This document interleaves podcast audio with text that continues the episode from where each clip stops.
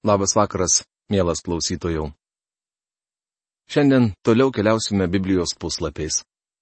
Mes su jumis iš Naujojo testamento persikeliame vėl į Senąjį ir šiandien pradedame Esteros knygos apžvalgą. Apie autorių. Nėra aišku, kas parašė šią knygą, tačiau jos autorius galėjo būti ir Mordechajas. Skaitykite tai Esteros knygos 9 skyriaus 29 eilutėje. Pagrindinė eilutė Juk jeigu iš tikrųjų tylėsi tokiu metu kaip dabar, pagalba ir išgelbėjimas žydams ateis iš kitos vietos, bet tu ir tavo tėvo šeima pražus. Kas gali žinoti? Galbūt tu pasiekiai karališkai sostą kaip tik tokiam metui, kaip dabar. Esteros knygos ketvirtos skyriaus keturiolikta eilutė.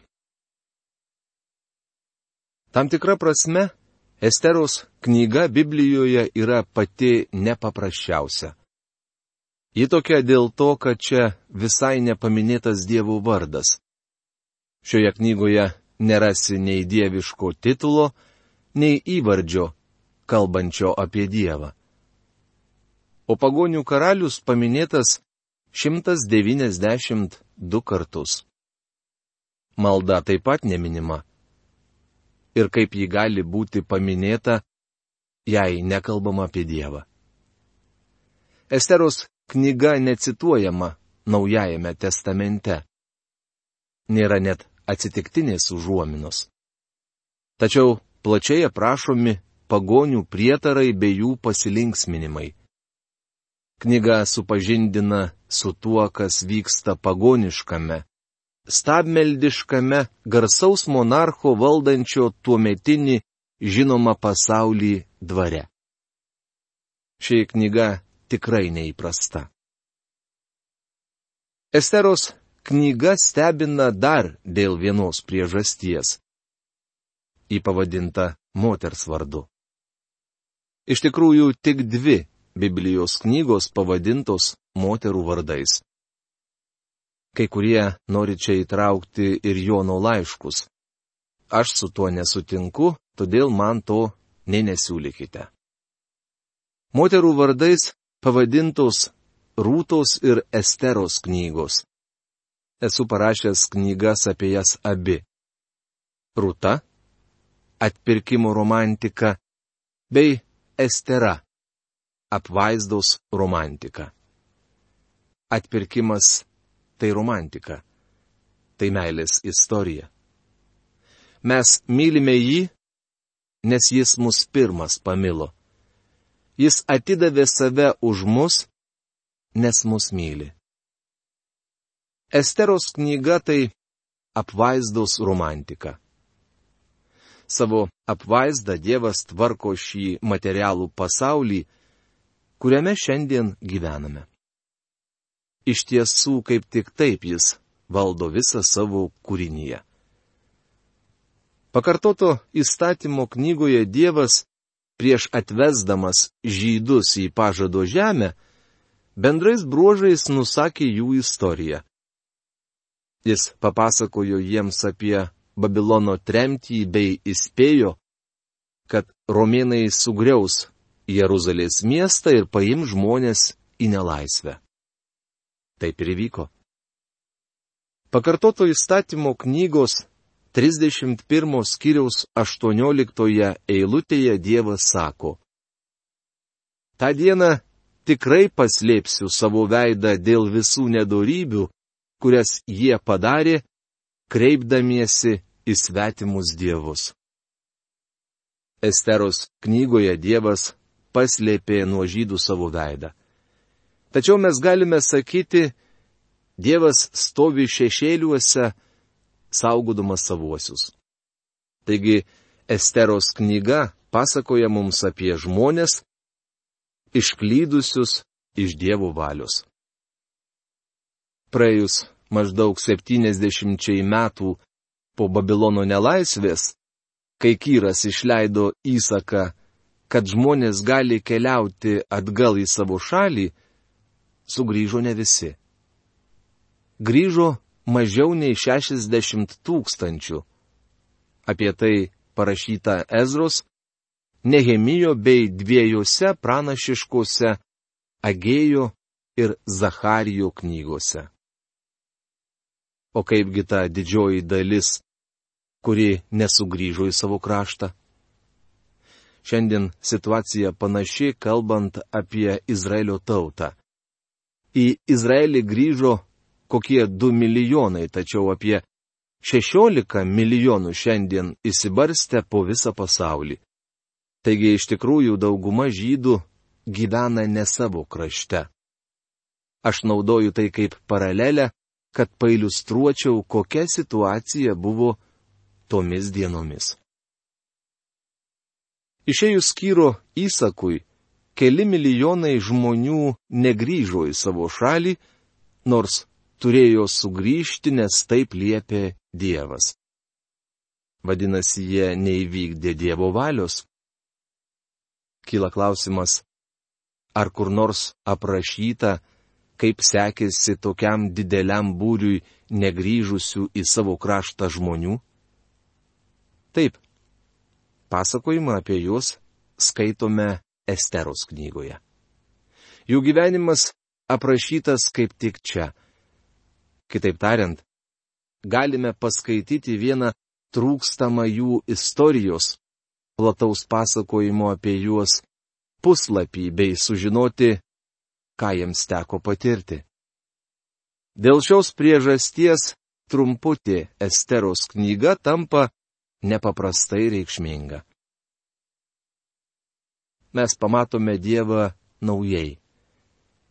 Nors žydai ir nepakluso jo valiai, Dievas juos vedė. Kaip? Savo apvaizdą. Kas yra apvaizda? Senojo testamento knygose mokoma visų šiandienos doktrinų. Apie atpirkimą mokoma išeimo knygoje, o apie atpirkimo meilę Rūtos knygoje. Jobo knygoje mokoma apie atgailą. Jonos knygoje apie prisikėlimą. Taigi didžiųjų mūsų krikščioniško tikėjimo doktrinų mokoma Senojo testamento knygose. Na, o Esteros knyga paaiškina, kas yra apvaizda. Žydai gyveno svetimoje šalyje. Jie ne Dievo valioje, nes nepaklausė jo paliepimo grįžti į Izraelio žemę ir pasiliko svetimame krašte. Jie nepakluso, pamiršo Dievą ir nuo jo nutolo. Jie nesišaukė jo sunkiu metu. Iš pradžių atvesti į tremtį žydai sakė, kaip mes gėdosime viešpaties giesmę svetimoje žemėje jie negalėjo gėdoti, tik atsisėdo ir verkė, prisiminęs Joną. Tačiau dabar jie Joną pamiršo. Jis sugriautas ir sunaikintas, todėl jie nė nenori grįžti. Iš pradžių žydai sudarė sandurą. Teležuvis prilimpa man prie gomurio, jei pamiršiu Sioną. Jie pamiršo, ir šioje knygoje negirdėti jų balso. Tie žmonės visai nešlovino Dievo ir jam nesimildė. Dėl to ši knyga labai neįprasta. O kaipgi Dievas? Jis jų nepamiršo. Tuomet kaip Dievas gali juos vesti, jeigu jie atstumė jį? Dievas tai daro per savo apvaizdą. Esteros knygoje mokoma apie ją. Kasgi yra Dievo apvaizda? Ar atleisite man, jei mažumėlę pakalbėsiu teologiškai? Jei norite išgirsti šio žodžio apibrėžimą, jis skamba štai taip. Apvaizda tai priemonė, per kurią Dievas valdo visą. Ir tai, kas gyva, ir tai, kas negyva. Ir tai, kas matoma, ir tai, kas nematoma. Ir tai, kas gera, ir tai, kas bloga, dėl svarbaus tikslo, o tai reiškia, jog galiausiai bus įvykdyta jo valia. Arba, kaip sakoma psalmėse, jo karalystė valdo visą. Laiške Efeziečiams pirmos kiriaus vienuoliktoje eilutėje Paulius tvirtina mums, jog Dievas visą veikia pagal savo valios nutarimą. Draugai, šiandien mūsų Dievas valdo pasaulį, nors kai kurie mano, jog jis išslydo jam iš rankų. Emersonas klydo sakydamas, viskam vadovauja žmonija. Žmonija viskuo naudojasi, bet nevadovauja. Vadovauja Dievas. Kad tinkamai suprastume, kas yra Dievo apvaizda materialaus pasaulio ir ypač žmogaus atžvilgiu, turime atsiminti tris žodžius. Pirmas žodis - sukūrimas sakydami sukūrimas, suprantame, jog Dievas palėpė ir atsirado pasaulis. Ar turite geresnį paaiškinimą? Jei turite, norėčiau jį išgirsti.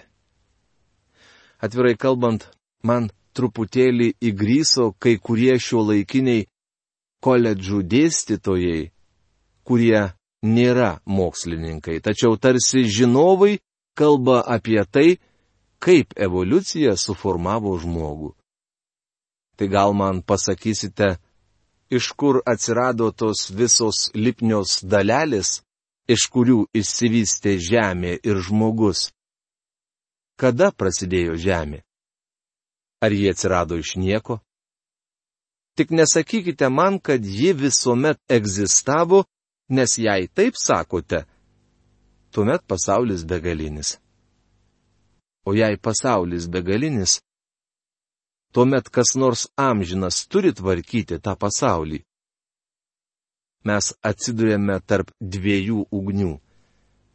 Tai yra tik du paaiškinimai, kurie atskleidžia, kaip galėjo atsirasti pasaulis.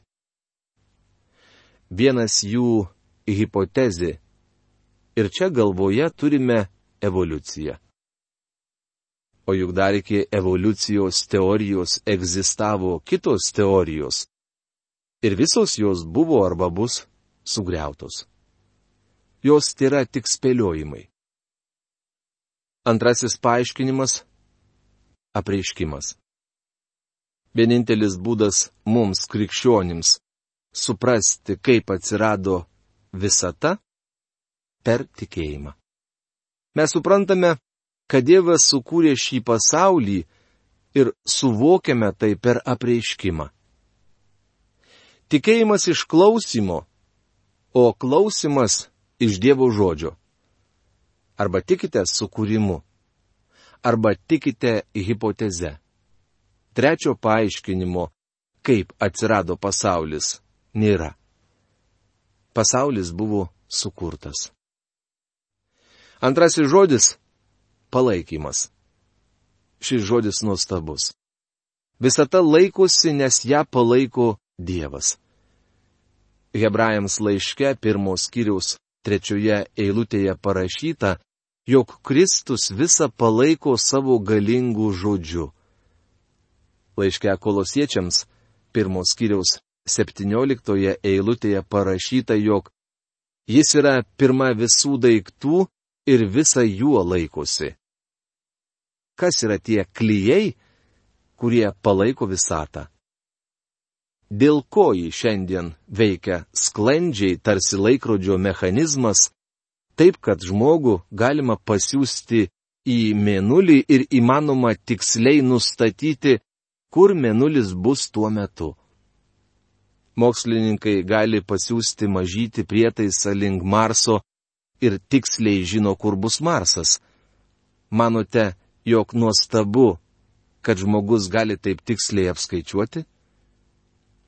Aš manau, jog nuostabu tai, kad mūsų visata šiandien taip sklandžiai veikia. Kas ją valdo? Viešpats Jėzus Kristus. Jis palaiko visatą savo galingų žodžių. Trečiasis žodis - apvaizda. Jį aptarsime nagrinėdami Esteros knygą.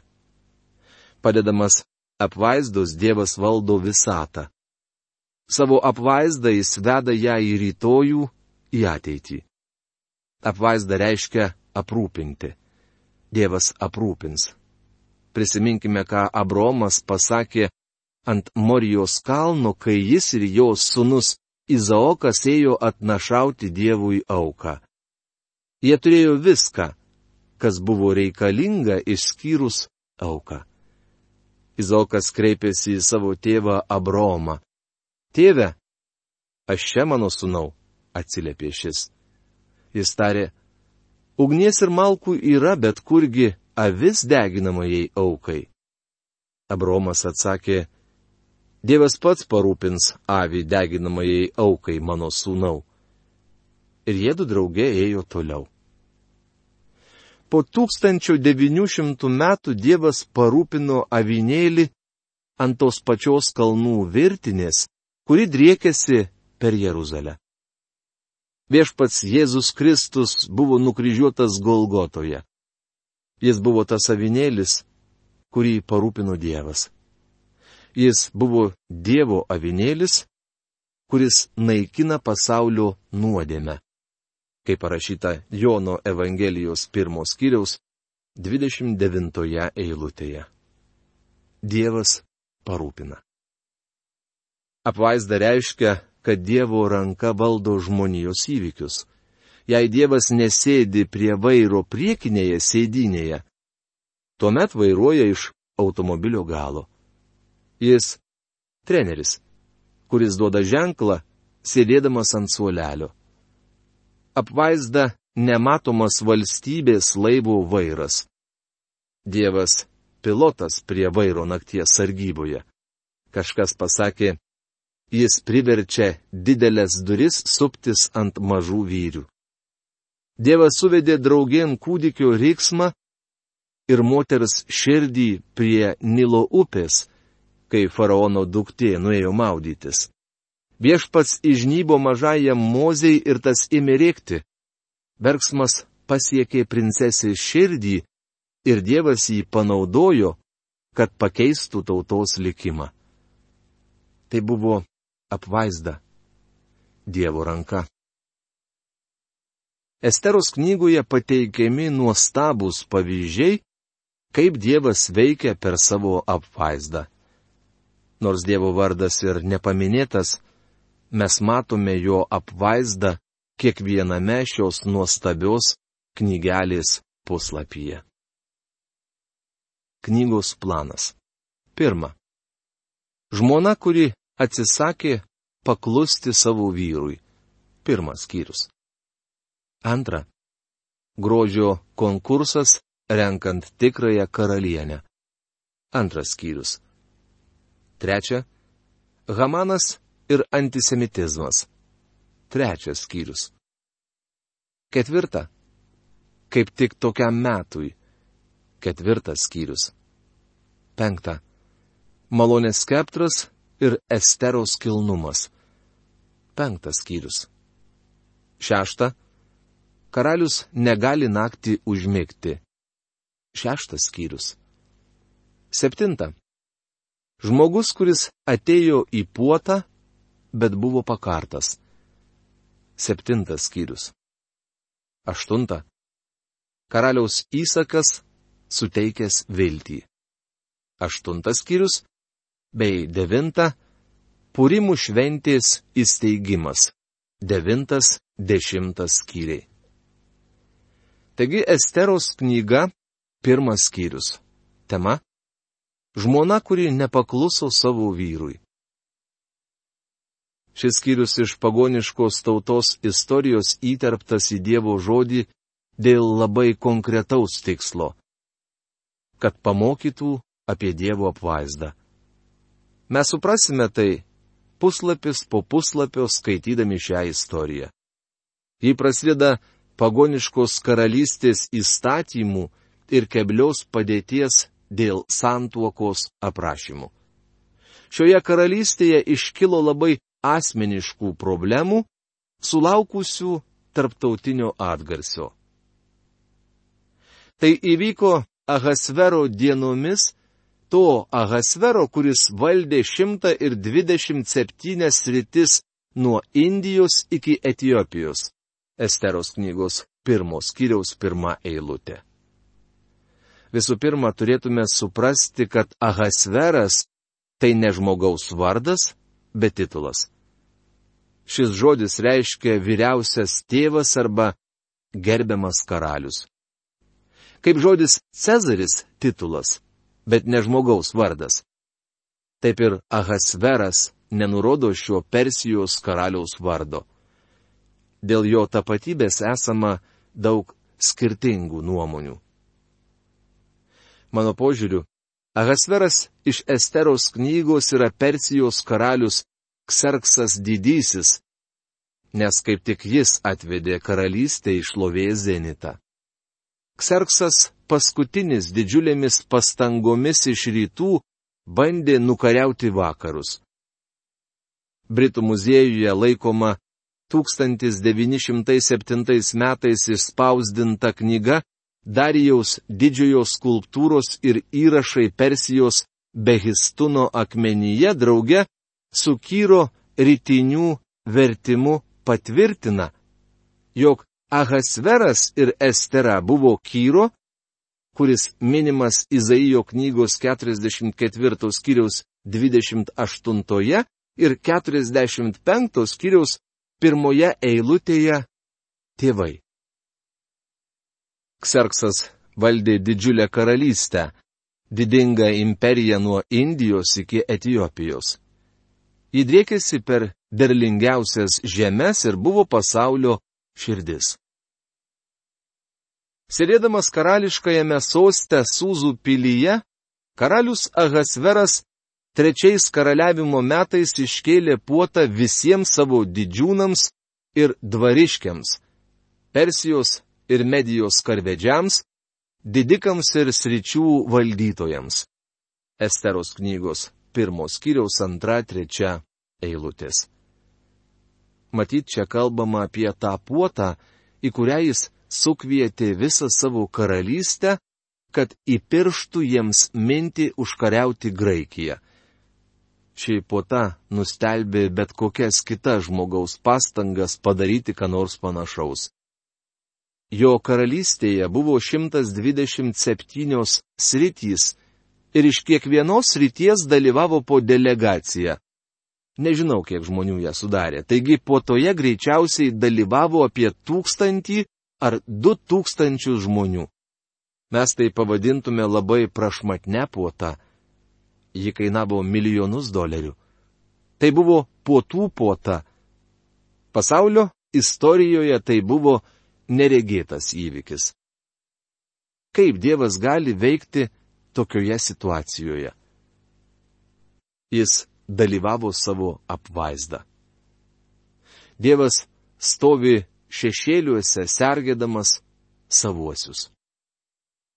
Mielas klausytojau, kad ir kaip įdomu būtų klausytis tolimesnio šios vietos aiškinimo, dėl laiko stokos mes to padaryti šiandien negalime, bet mes su jumis susitiksime kitoje mūsų laidoje ir pratesime šios knygos apžvalgą. Šiandien savo laidą baigiame. Iki malonaus susitikimo. Sudė.